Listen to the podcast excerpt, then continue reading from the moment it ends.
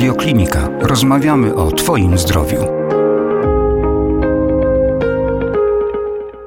Przed mikrofonem radiokliniki pani profesor Irena Walecka, kierownik Kliniki Dermatologii Centralnego Szpitala Klinicznego MSWiA w Warszawie. Witam pięknie.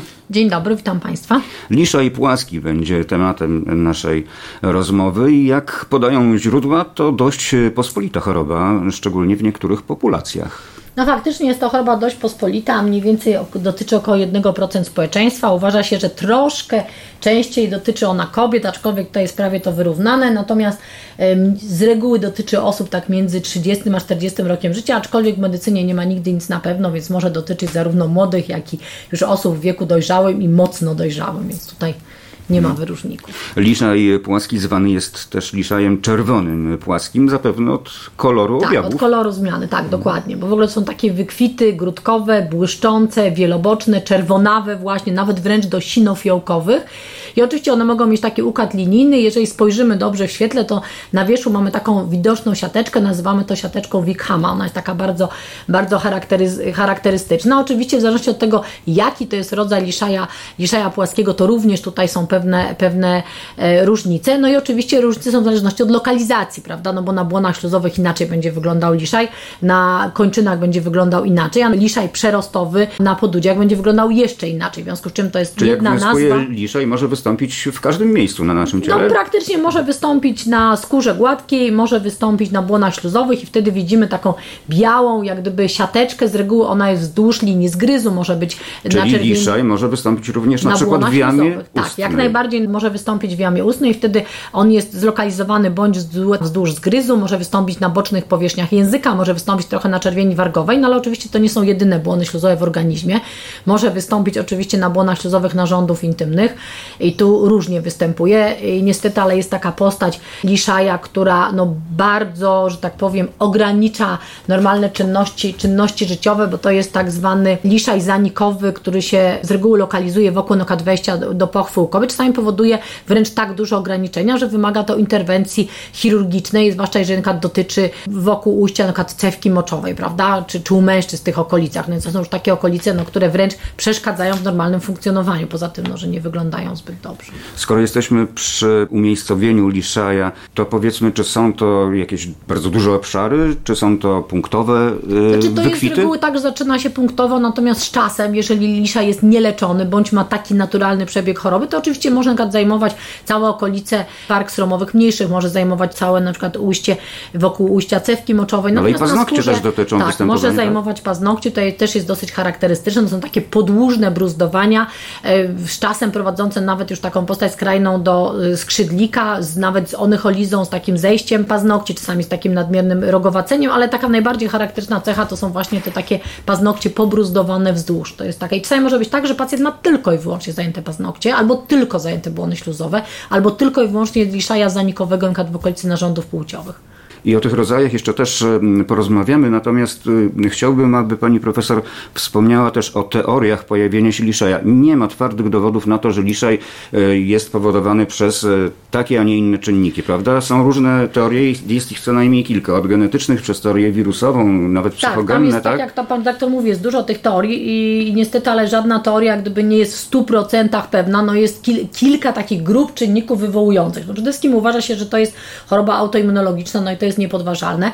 Mówi się o całej grupie wirusów, głównie tutaj mamy, chodzi nam o wirusy WZWB, WZWC, dlatego, że ta choroba jest dość często kojarzona z pierwotną morskością żółciową na przykład, e, która, której przyczyną również gdzieś tam w tle mogą, mogą być wirusy HCV, w związku z czym ta jak gdyby korelacja z wirusami Czyli jest jak historie związane z wątrobą. Tak, z wątrobą, ale też inne choroby autoimmunologiczne, bo na przykład u tych pacjentów częściej to występuje jak u pacjentów, którzy mają toczeń rumieniowate, którzy mają na przykład zapalenie skórno-mięśniowe, którzy mają twardzinę układową, łysienie plackowate, bielactwo, e, wrzodziejące zapalenie jelita grubego, no i to, co właśnie powiedziałam, ta pierwotna żółciowa marskość e, wątroby i oczywiście cukrzyca. I to jest ta grupa pacjentów, u których ten liszaj płaski występuje częściej. Teraz pytanie też, czy to jest w wyniku tylko choroby autoimmunologicznej, czy to jest w wyniku leczenia tych chorób, czyli druga grupa przyczyn leki, dlatego że każda z tych chorób, którą wymieniałam, oczywiście no, musi być leczona. Prawda? Znowu ta pacjenci- nieszczęsna cukrzyca. I pacjenci, tak, ta nieszczęsna cukrzyca i pacjenci oczywiście dostają leki. Teraz mamy tutaj całe grupy leków, na przykład sole złota,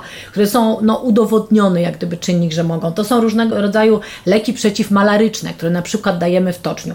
To są leki, różnego rodzaju neuroleptyki, a ostatnio również leki biologiczne. W tej chwili są prace, które podają, że leczenie biologiczne może wywołać zmiany pod postacią liszaja płaskiego. No w związku z czym ta cała grupa, no te wirusy plus leki, no plus jak gdyby no gdzieś ta... ta no i amalgamaty jeszcze. I amalgamaty oczywiście w zębach, które, które, które należy, zwłaszcza jeżeli mamy do czynienia z liszajem płaskim, błąd śluzowych jamy ustnej, to wtedy e, stomatolodzy powinni wymienić amalgamat na, na inną plombę. No amalgamat dość modny w ostatnich zębach, no bo czyli w ósemkach, no w tej chwili większość osób ma te ósemki wyrwane, więc przynajmniej tu jeden problem jest z głowy.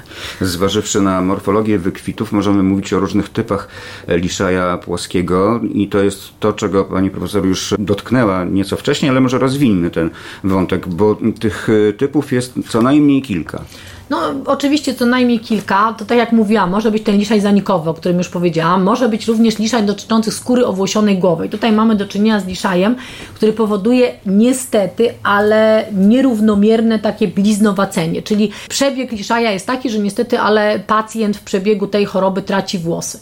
W związku z czym no, to, jest, to jest też dosyć no, poważne. skoro bliznowacenie, to Bliznowaciejący niestety ich nie traci trwale. Dokładnie. Może być tak zwany liszaj przerosły. Mamy z reguły do czynienia z tym liszajem w okolicach podudzi. Z reguły na przedniej powierzchni podudzia mamy takie przerosłe zmiany, czyli ta grudka nie jest tak jak standardowo, ona jest taka w miarę płaska, wieloboczna, błyszcząca, tylko jest taka przerosła, mocno narośnięta, czasami nawet niektórzy ją różnicują z łuszczycą. I tu nazwy prawda? wiele tłumaczą, tak, bo na przykład tak, tak. obrączkowaty też Dokładnie, wiadomo. a wręcz to, co z łuszczycą jest no wspólnego, to ten tak zwany objaw Czyli w przypadku aktywnego liszaja płaskiego i w przypadku aktywnej łuszczycy, jeżeli podrapie się pacjent, czy uszkodzi, czy skaleczy, to wtedy mamy do czynienia z amplifikacją zmian, czyli jak gdyby z pojawianiem się tych zmian właśnie w miejscu podrapania i to jest wspólne dla tych obu chorób. Jeszcze oczywiście mogą, może być liszaj pęcherzowy, prawda? To wtedy na podłożu zmian mogą występować różnego rodzaju pęcherze i to z reguły dotyczy y, liszaja usadowionego na dłoniach i na stopach, czyli to jest taka ta odmiana Czy to coś akralna. podobnego z wrzodziejącym? Nie, nie, nie, to raczej nie, nie. To jest pęcherzowy, to raczej jest taki, że te pęcherze z czasem one, one zanikają i robi się takie coraz większe nawarstwienie, no, czyli co utrudnia pacjentowi czy chwytanie jakichś drobnych, czy wykonywanie takich czynności bardzo, bardzo delikatnych, czy na przykład przeszkadza w chodzeniu, prawda? Więc to, to jest też ta kolejna odmiana. No tej przerosłej czy brodawkującej już powiedziałam, więc myślę, że chyba żeśmy wszystkie te postacie tu omówili. A przynajmniej ten najważniejszy. Przejdźmy Pani Profesor do e, leczenia. Stosuje się leczenie ogólne czy miejscowe? Znaczy tak, jeżeli nie są zbyt mocno nasilone zmiany, zawsze zaczynamy od leczenia leczenia miejscowego. I tutaj przede wszystkim kortykosterydy i to kortykosterydy mocne, czyli z, tych naj, z tej najwyższej grupy. Również pochodne takrolimusa bardzo dobrze tutaj działają. Jeżeli to nie pomaga, to przechodzimy już do metod typu PUWA, czyli naświetlania e, z użyciem e, preparatów oksoralenu, bądź ewentualnie naświetlania UVB, czyli, czyli tutaj bez Czyli bez mówi Pani teraz o fotochemioterapii. Fotochemioterapii, tak. PUWA, fotochemioterapia, natomiast Dość UVB to samo istotny element leczenia, tak. Dość istotny i dość dobre są efekty. Jeszcze poza tym, jeżeli na przykład mamy zlokalizowaną zmianę, można czasami spróbować krioterapii, niektórzy nawet stosują metodę laser, laserową, natomiast jeżeli mamy do czynienia z rozległymi zmianami, to wtedy zdecydowanie staramy się właśnie zaczynać od y, fotochemioterapii, czyli od pływy, ale również dajemy leczenie ogólne. No bo wiadomo, że do pływy jest dużo przeciwwskazań, między innymi okulista musi wykluczyć, że tam nie ma przeciwwskazań od strony soczewki, czyli żeby nie była zaćma, nie może być dużo znamion, w związku z czym zdecydowanie prościej zacząć leczenie od pochodnej witaminy A, czy to z grupy izotretyny, czy to z grupy izotretynoiny. Oba, oba te leki są jak najbardziej skazane. To może być cyklosporyna, to mogą być oczywiście sterydy y, doustnie, no, których nie lubimy mówimy ze względu na różnego rodzaju powikłania, które dają stosowane w dłuższym czasie, to może być metotreksat. Również e, jeżeli nie ma efektu, można stosować DAPS, DAPSON czy azatioprynę, czy jak gdyby tutaj leki już z grupy no jest leków dość szeroka tak, gama. Dość szeroka gama. I zawsze, mhm. panie redaktorze, jak jest szeroka gama, dużo leków, to wtedy z reguły żaden nie jest tak do końca skuteczny. I to jest niestety, tak jak jest dużo metod leczenia czyli, danej choroby jak haluksy, to znaczy, że żadna nie jest super. Czyli metodą prób i błędów Tak, to jest trochę metodą, znaczy to jest metodą tak. prób i błędów i myślę, że to jest też jak gdyby naturalny przebieg każdego zna, że jedna osoba reaguje lepiej na przykład na leczenie immunosupresyjne, druga le lepiej reaguje na sulfony. No i tutaj to jest ta indywidualna... Tak zwane uwarunkowania osobnicze. Tak, osobnicza mm. odpowiedź, dokładnie. Plus jeszcze uwarunkowania, czym jak gdyby ten liszaj był wystymulowany, prawda? No to też tutaj nawet wystarczy kad same odstawienie soli złota, no to już praktycznie zmiany, jeżeli to było wystymulowane solami złota, się cofają. Tak jak to powiedziałam, że przy terapii biologicznej, kad wystarczy zmiana danego leku biologicznego, jak TNF-alfa na inny lek biologiczny z innej grupy, na przykład na interleukinę 17, 12, 23 i już jak gdyby mamy zdecydowaną poprawę, no bo liszaj nam w cudzysłowie odpuszcza. I to były metody leczenia miejscowego, tak? Znaczy, to leczenia miejscowego to wymieniłam te stery pochodne takrolimusa, krioterapia, natomiast leczenie ogólne to były te wszystkie pozostałe, czyli cyklosporyna, metotrexat, to wszystko co powiedziałam. Oczywiście troszkę inaczej leczy się I kortykosterydy tak, w leczeniu ogólnym tak, też. ale tutaj rzadko w tej chwili stosujemy. To jest raczej kiedyś tak stosowane, a w tej chwili jak już no, większość terapii nie za bardzo mamy dobry efekt, to sięgamy oczywiście po te niezawodne sterydy, czasami potrafimy je z czymś łączyć. To też jest tak, że nie musimy zawsze dawać jednego leku, możemy dać dwa leki, prawda, zrobić terapię łączoną. Natomiast troszkę odrębne jest leczenie y, liszaja na błonach śluzowych jamy ustej, no bo tutaj mamy zdecydowanie większy problem.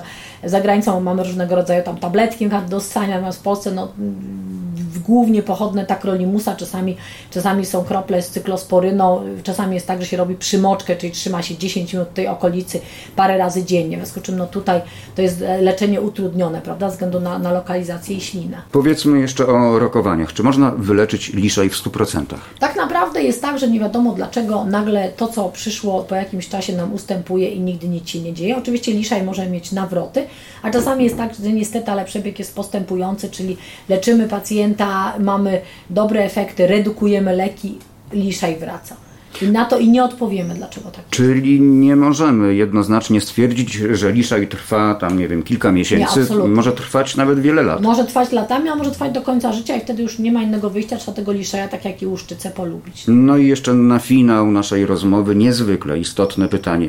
Czy liszaj jest chorobą zakaźną? Absolutnie nie jest chorobą zakaźną. Ja w ogóle chciałam powiedzieć, że 80 albo nawet 90% chorób dermatologicznych nie jest chorobami zakaźnymi, bo jakby było, to by było w grupie specjalizacji choroby zakaźne. Natomiast nasze choroby dermatologiczne, czy łuszczyca, czy twardzina, e, czy toczeń, czy, czy liszaj, który tu wymieniam, absolutnie nie jest chorobą zakaźną. Najgorsze jest to, że nasi pacjenci są stygmatyzowani właśnie z tego powodu, że nasze choroby widać. Nie widać, jak ktoś ma zmiany w jelitach, nie widać, jak ktoś ma nie wiem, zmianek w kolanie, najwyżej utyka, ale to jak gdyby nie przeszkadza społecznie. Natomiast nasi pacjenci, z czym my bardzo walczymy i stąd te wszystkie kampanie właśnie stop różnego rodzaju no, zachowaniom osób, prawda? No, no niestety nasze choroby wzbudzają w społeczeństwie jakiś dystans, obrzydzenie, w ogóle zupełnie niepotrzebnie, bo ci pacjenci tak samo normalnie funkcjonują, no a że mają takie, takie zmiany skórne, no każdy coś ma, prawda? Pamiętajmy o tym e, na co dzień, że większość chorób skóry to nie są choroby zakaźne. I tym stwierdzeniem zakończymy naszą rozmowę. Gościem radiokliniki była pani profesor Irena Walecka, kierownik Kliniki Dermatologii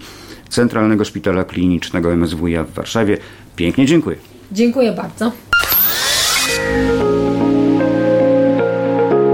Więcej audycji na stronie radioklinika.pl i w naszej aplikacji mobilnej.